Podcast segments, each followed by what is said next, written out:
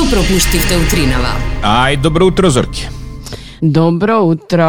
Како си денеска? Врнежливо ќе биде пак. Ке биде, нема да биде, ке да знаеме, предпоставувам, во текот на денот. Вчера беше баш убаво, така? Многу пријатно беше вчера, да. Но како да не беше есен. Па баш како да беше есен. Не знам зошто ти толку црн печат ти даваш на есента. Есента не е толку неубава како што другите си мислат. Ја баш ја, мислам, ја сметам за топла, мирисна, разнобојна, романтична. Ама? Дополнија ни за оваа работа. До дополни. Се само не тоа што ти го го, го Е, кажа. Ама добро. Имаш предрасуди кон есента, Имам, мислам дека. имам, имам. Имаш, да. Е, А Имам предрасуди така? пред годишни времења, не знам.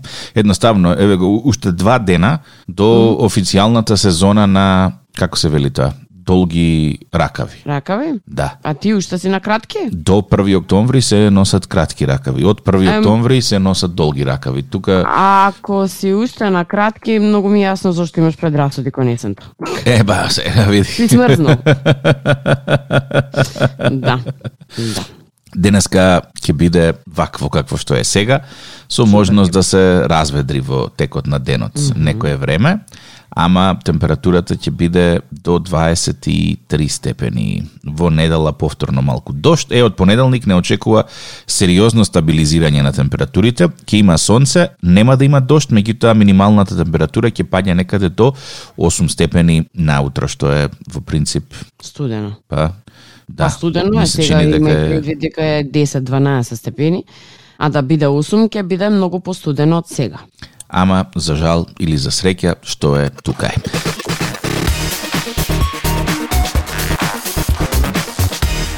Ми стигна вчера е, снимка. Ова е ексклузивно, ќе ти го пуштам. Ајде, колку ексклузивно. Е, Многу ексклузивно, мислам дека и ти не го знаеш. Ајде. Е, Син ти се дочепал до твојот телефон вчера, ми се чини.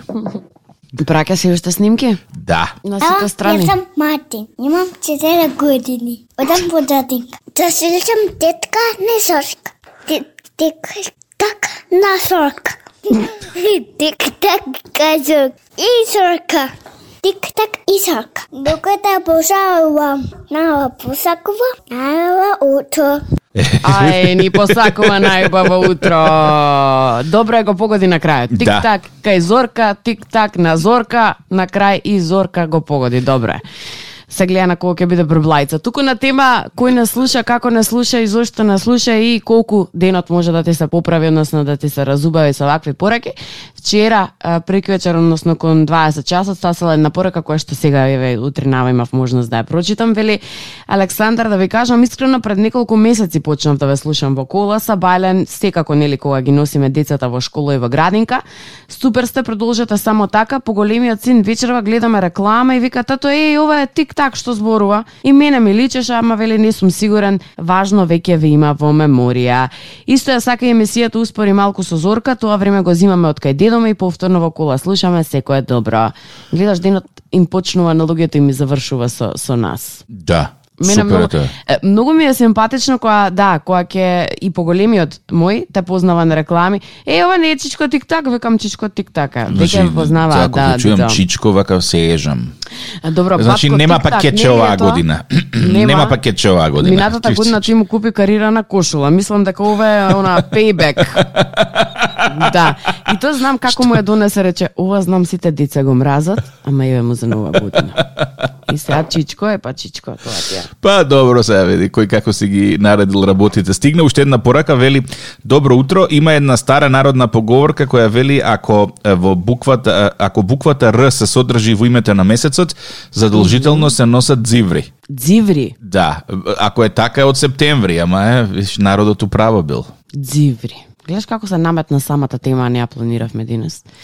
Колку се реално корисни? Мене ми е многу неубаво. Јас сум со две машки деца и со супруг, Значи знам дека некогаш кога е надвор многу ладно, мора да се носат. Ама колку реално ви се удобни, никогаш не сум прашала. Па, не ве нервира дзиври па врз дзиври фармерки, да речеме, sad не знам колку често носиш или колку ретко носиш, ама Не носам. не знам, некако... Дзиври не носам. Не, ни подрасно. А доле Како дете ноќето- ми ги носе, ги носев и не. Кога одам на планина, носам соодветни панталони кои што држат е, топло, се баш за планинарење и нема потреба од зиври. Кога одам низ е, град, да кажеме, одам со автомобил, така да тоа е тоа. Добро, ама некогаш има ситуации каде што едноставно навистина мора да облечеш и добро би било да облечеш нешто под фармирките. Ама јас прашувам во поглед на тоа дека јас кога облекувам хулахупки, од озгора врз хулахупките фармерки, мене тоа страшно ме иритира. Ме чеша, ме нервира, ми се подместува и така натаму. А ова се бре панталони врз панталони. Малте не се панталони затоа што зиврите како што се направени се или многу дебели хулахупки, како онака претерано дебели хулахупки. Добро. Или се како тренерки тенки, таков име материјалот, се зависи, има различни материјали, знаеш, ама нели ве нервира, тоа сакам да прашам, затоа што едното е устело и другото е устело, и кога ќе ги облечеш, са не знам тие дали одат нагоре, не одат нагоре, како за соблекување после, како не дај Боже увеца ти се приоди со стопара панталони на тебе. Ама види, Тој момент не го разбирам. е, има друго нешто интересно тука. Добра? Не мора да бидат класични, не мора да бидат класични дзиври. А какви се тие некласични дзиври? Е, оние што ги викаат base layer, како како бициклистички долги. Како хеланки. Да. Ама јас такви не сум начекала за за машки, односно сум за- начекала има и такви, ама и тие еве јас носам хеланки, например многу сакам по дома да носам хеланки.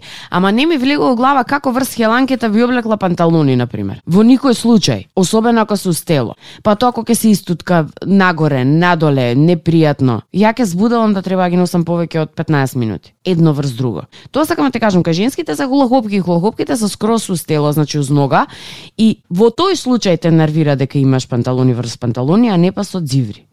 Ама Зорке, што е тука е? Ќе се привикнеме на на тоа и Ке мораме, а? мора, да. Е, ја памтиш Gangster's Paradise? а? Така, така? Кулио, човекот кој што ја пееше, почина вчера. О, мислев нешто повисело ќе ми кажеш. Не, еве, ако може нешто од Кулио. Во негова чест. Добро утро. Е, и како во, на, во еден глас го кажевме, таа мислам дека да беше темпирано, немаше да се случи нешто такво. Нема По шанс. 8 часот безкорисни факти, ќе отвориме денешната тема на дискусија која што е поврзана со количината на зимница која што е потребно за едно семејство, а пред тоа чисто информативно дел од улиците Московска и Партизанска денеска ќе бидат без вода поради промена на затварачи ФИ 300 и ФИ 150 на крстосница на булевар Партизански одреди улица Московска ќе биде прекинато водоснабдувањето на булевар Партизански одреди и Московска од број 130 до крстосница на Московска. Ако живееш на тој потек и ако нешто ти е јасно тоа како е напишано ова сообщение, да знаеш дека денес денеска ќе бидеш без вода. А ако се движиш низ централно градско подрачје, да знаеш дека дел од булевар Митрополите од Осико Логанов е затворен поради реконструкција. Прекрасно. Кој знае колку време ќе помине додека повторно стане. Според некои информации 5 до 8 месеци. О, о, о, о, о, уште едно тесно грло. Ондека на она улицата Железничка, е, што е кај новите високи згради, значи има три ленти, од кои што една лента се користи за паркинг на тешки товарни возила и камиони кои што работат на градилиштето. Оваа овдека нити е некако бележана дека е раскопана ни ништо. Стајле едно пластично барикадче.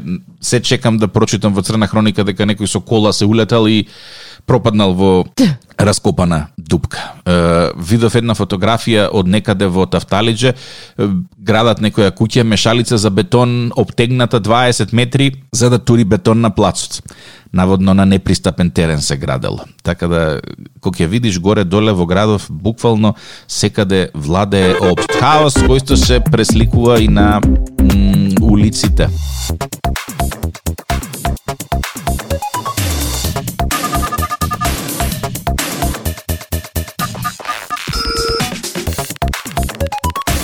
Како мајка на мало дете, морам да те прашам, колкави сериозни проблеми имаш кога се обидуваш да му дадеш на Мартин зеленчуци?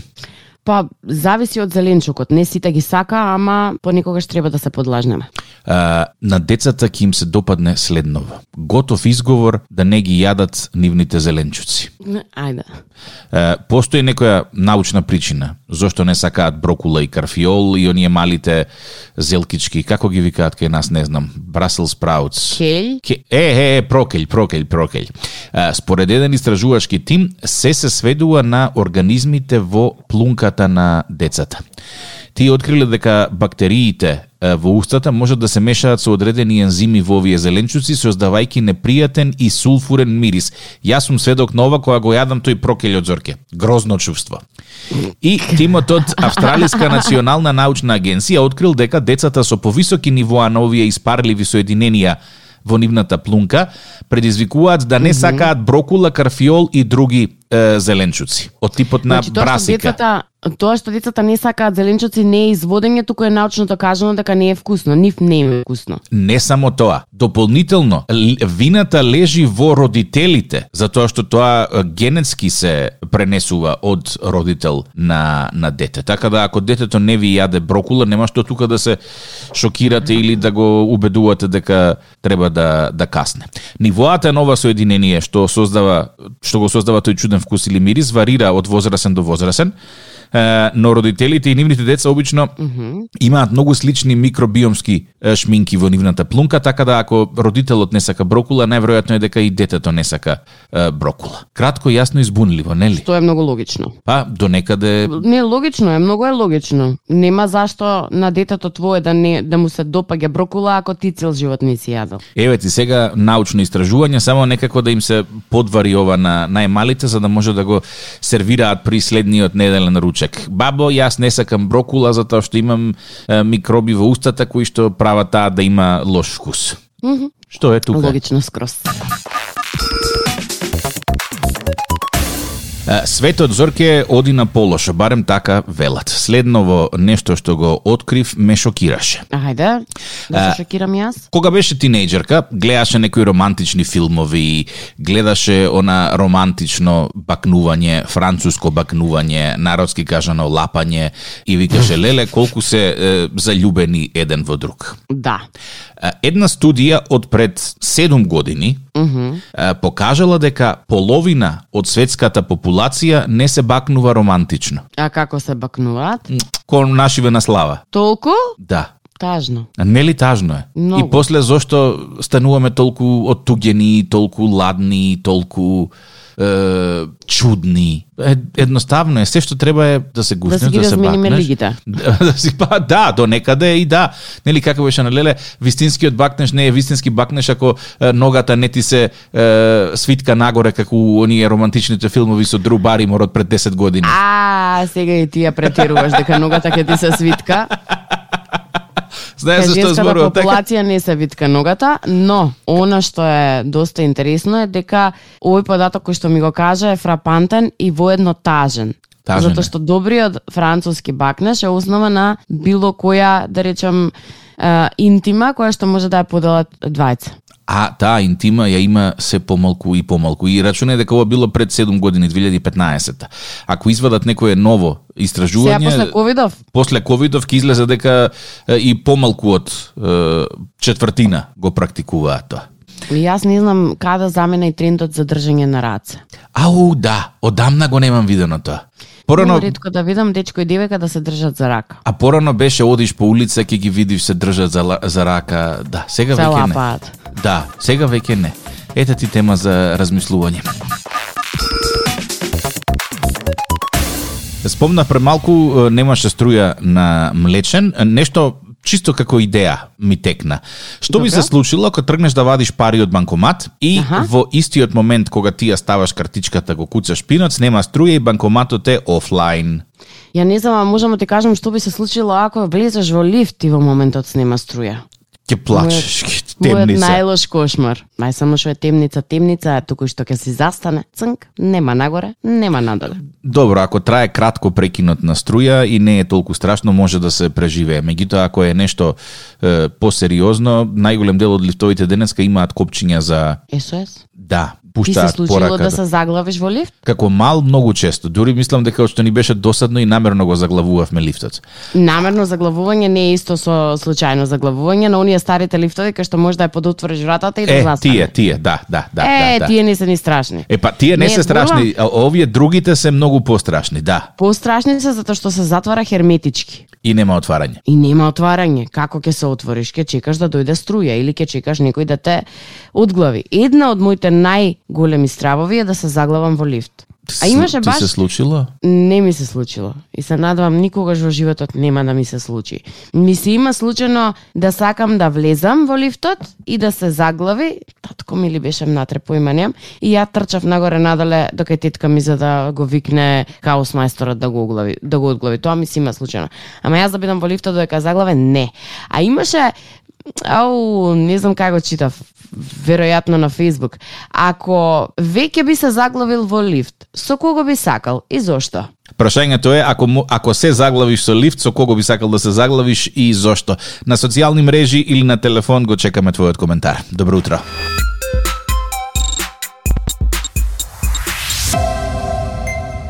И со кого би сакал ти да се заглавиш во лифт, дали конечно се реши?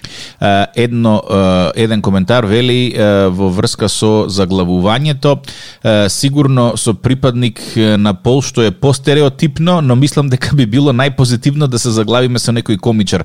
Ем нема досадно да ни биде, ем ќе го поминеме времето во Леле, смеење. тоа е многу блиску до она што јас ти го кажав. Јас, ако веќе би се заглавувала во лифт, ве молам тоа нека биде некој кој што устане затвора за многу брзо да ти помине времето додека те одглават. Само те молам тоа да не биде Бојан Велевски.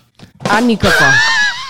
Никако. Со таа смисла за хумор, тажно ќе ти биде времето. А, друг еден коментар а, вели а, банките имаат агрегати така да не се секирај ако картичката ти остане во банкомат. Ќе се врати, односно ќе излезе? Па, И да има и да излезе, не знам баш колку тој агрегат ќе почне брзо да да реагира, обично треба една-две минути. Вообичаено е дека тоа е времето колку што ти е потребно за да се испаничиш, дека немаш картичка. Да. Што значи, во таков случај страпи се, почекај, веројатно картичката ќе си ја добиеш назад.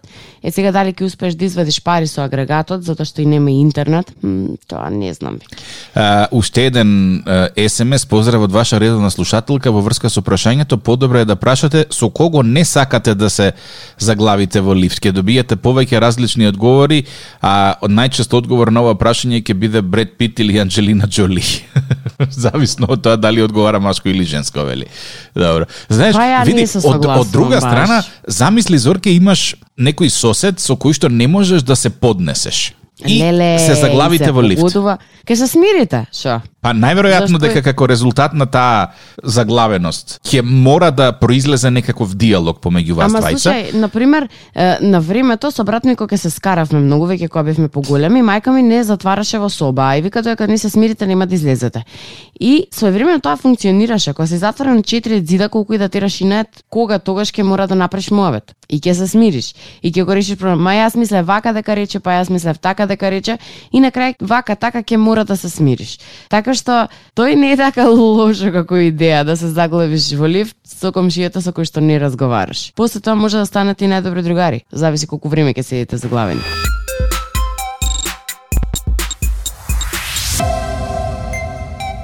Стаса еден коментар во врска со заглавувањето со Лив Зорке, ама тебе ќе ти дам предност да го прочиташ. Ѓорги вика каква Анджелина Джоли бре со Сузана Гавазова, ем убава, ем згодна, ем ке ми пее додека сме заглавени во лифт. Добро утро, како си? Добро утро, добро е, како сте ми вие? Добро еве, работиме. Се бориме со денот и гледаме дали ќе биде сонце или облаци. Сега веќе тоа тоа не се знае. Не се знае, не се знае. Може да изненади во секој момент. Повели. Па така, значи со кого сакаш да се заглавиш во лифт? Па јас сакам да се заглавам со една госпожа од Министерството за образование, Мгм. која мојата керка со 10, значи 980, 980, 10 втора година и таа стално од праќа мејлови за стипендија и одбиена по автоматизам. Одбиена по автоматизам. Добро, ајде втора година помина. Трета година исто. Значи, поднесува за стипендија, исто одбиена ова госпожата стално. И јас и се јавам, па така, таков е системот, знаете, е нас одбиена, нека пак нека поднесе, одбиена по автоматизам. Дури бев и таму, кај нив директно, и иако е му фатно тоа да ти се падне на лотарија, ќе ја тужам државата. Ама баш би сакал со неа да се заглавам во лифт, за да кажам многу некој муавет, а? работи за системот. Да, да, има за системот да разговараме, па и ќе се радувам да биде да не не од глава. Ама тоа сакам да ти кажам дека со добар соговорник времето лета. Е, лета нема да осетиш и три дена да бидеш за глава. Фала ти многу, има љубав ден, се слушаме наредна Фала и на вас, прилика. Живи и здрави, окей.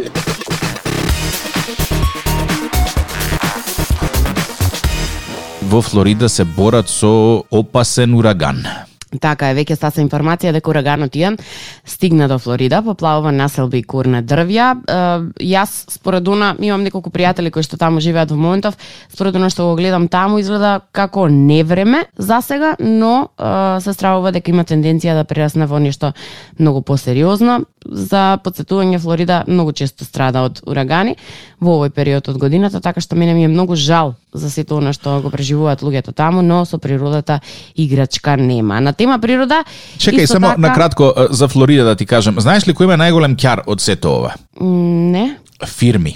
Значи, последниве два дена, додека се најавуваше ураганот, следев неколку Инстаграм и Фейсбук акаунти на адвокати кои што се занимаваат со правата на на работниците и е, даваа совети за тоа е, дека и покрај тоа што фирмите наводно со цел да те заштитат како вработен, те канат да си дојдеш на работа заедно со се цела фамилија и, и дете и домашно животинче и што и да не, Добра. под услов ти да работиш, а останатите членови од семејството да ги користат м, услугите или ајде просториите од зградата за да бидат безбедни поради тоа што зградата наводно била сертифицирана да издржи ураган или торнадо од петта категорија.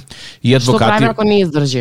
Значи, сега, едно, ако не издржи, ќе ги тужиш, а второ, адвокати ве викаат, ако те викаат на работа, треба да те платат за тоа. А не ти као, еве, Зорке, знаеш што се спрема торнадо, ела кај мене дома, Мгм, ќе правиме емисија. ќе правиме емисија, кога ќе заврши емисијата, ќе подзачистиш, ќе подзаметеш, нели тука си додека не помине торнадото, ама за тоа Така, нема да. да. бидеш платена. А, само ќе си седиме. Да, да, да, па ти, нудам на заштита, ти нудам заштита од торнадо, да не те дувне ветрот. Не ми се допаѓа. Ни мене Ова не ми како се тоа допаѓа. Со заглавувањето во лифтот. Ни мене, ама ете, Не ми се работодавците секогаш наоѓаат начин да го примамат работникот да дојде дома. Во овој случај е ветување за безбедност, пуканки и филм. Извини, ти ја прекинав мислата. Не, друго сега да ти кажам, а, да не се жалиме за тоа какво е времето, затоа што гледам дека во Хрватска повторно има невремиња кои што поплавуваат улици, објекти, градови и така натаму, така што со оглед на тоа што ние се бориме да ги видиме сонце и се жалиме сонце има ли нема ли, ваму во делови од светот имаат сериозен проблем кога се временските неприлики во прашање. Еве, дури некој наоѓа и начин како да го е, направи во пари сето тоа време додека се чека ураганот и да видиме нели дали ќе издржи сертифицирана зграда, ти се молам.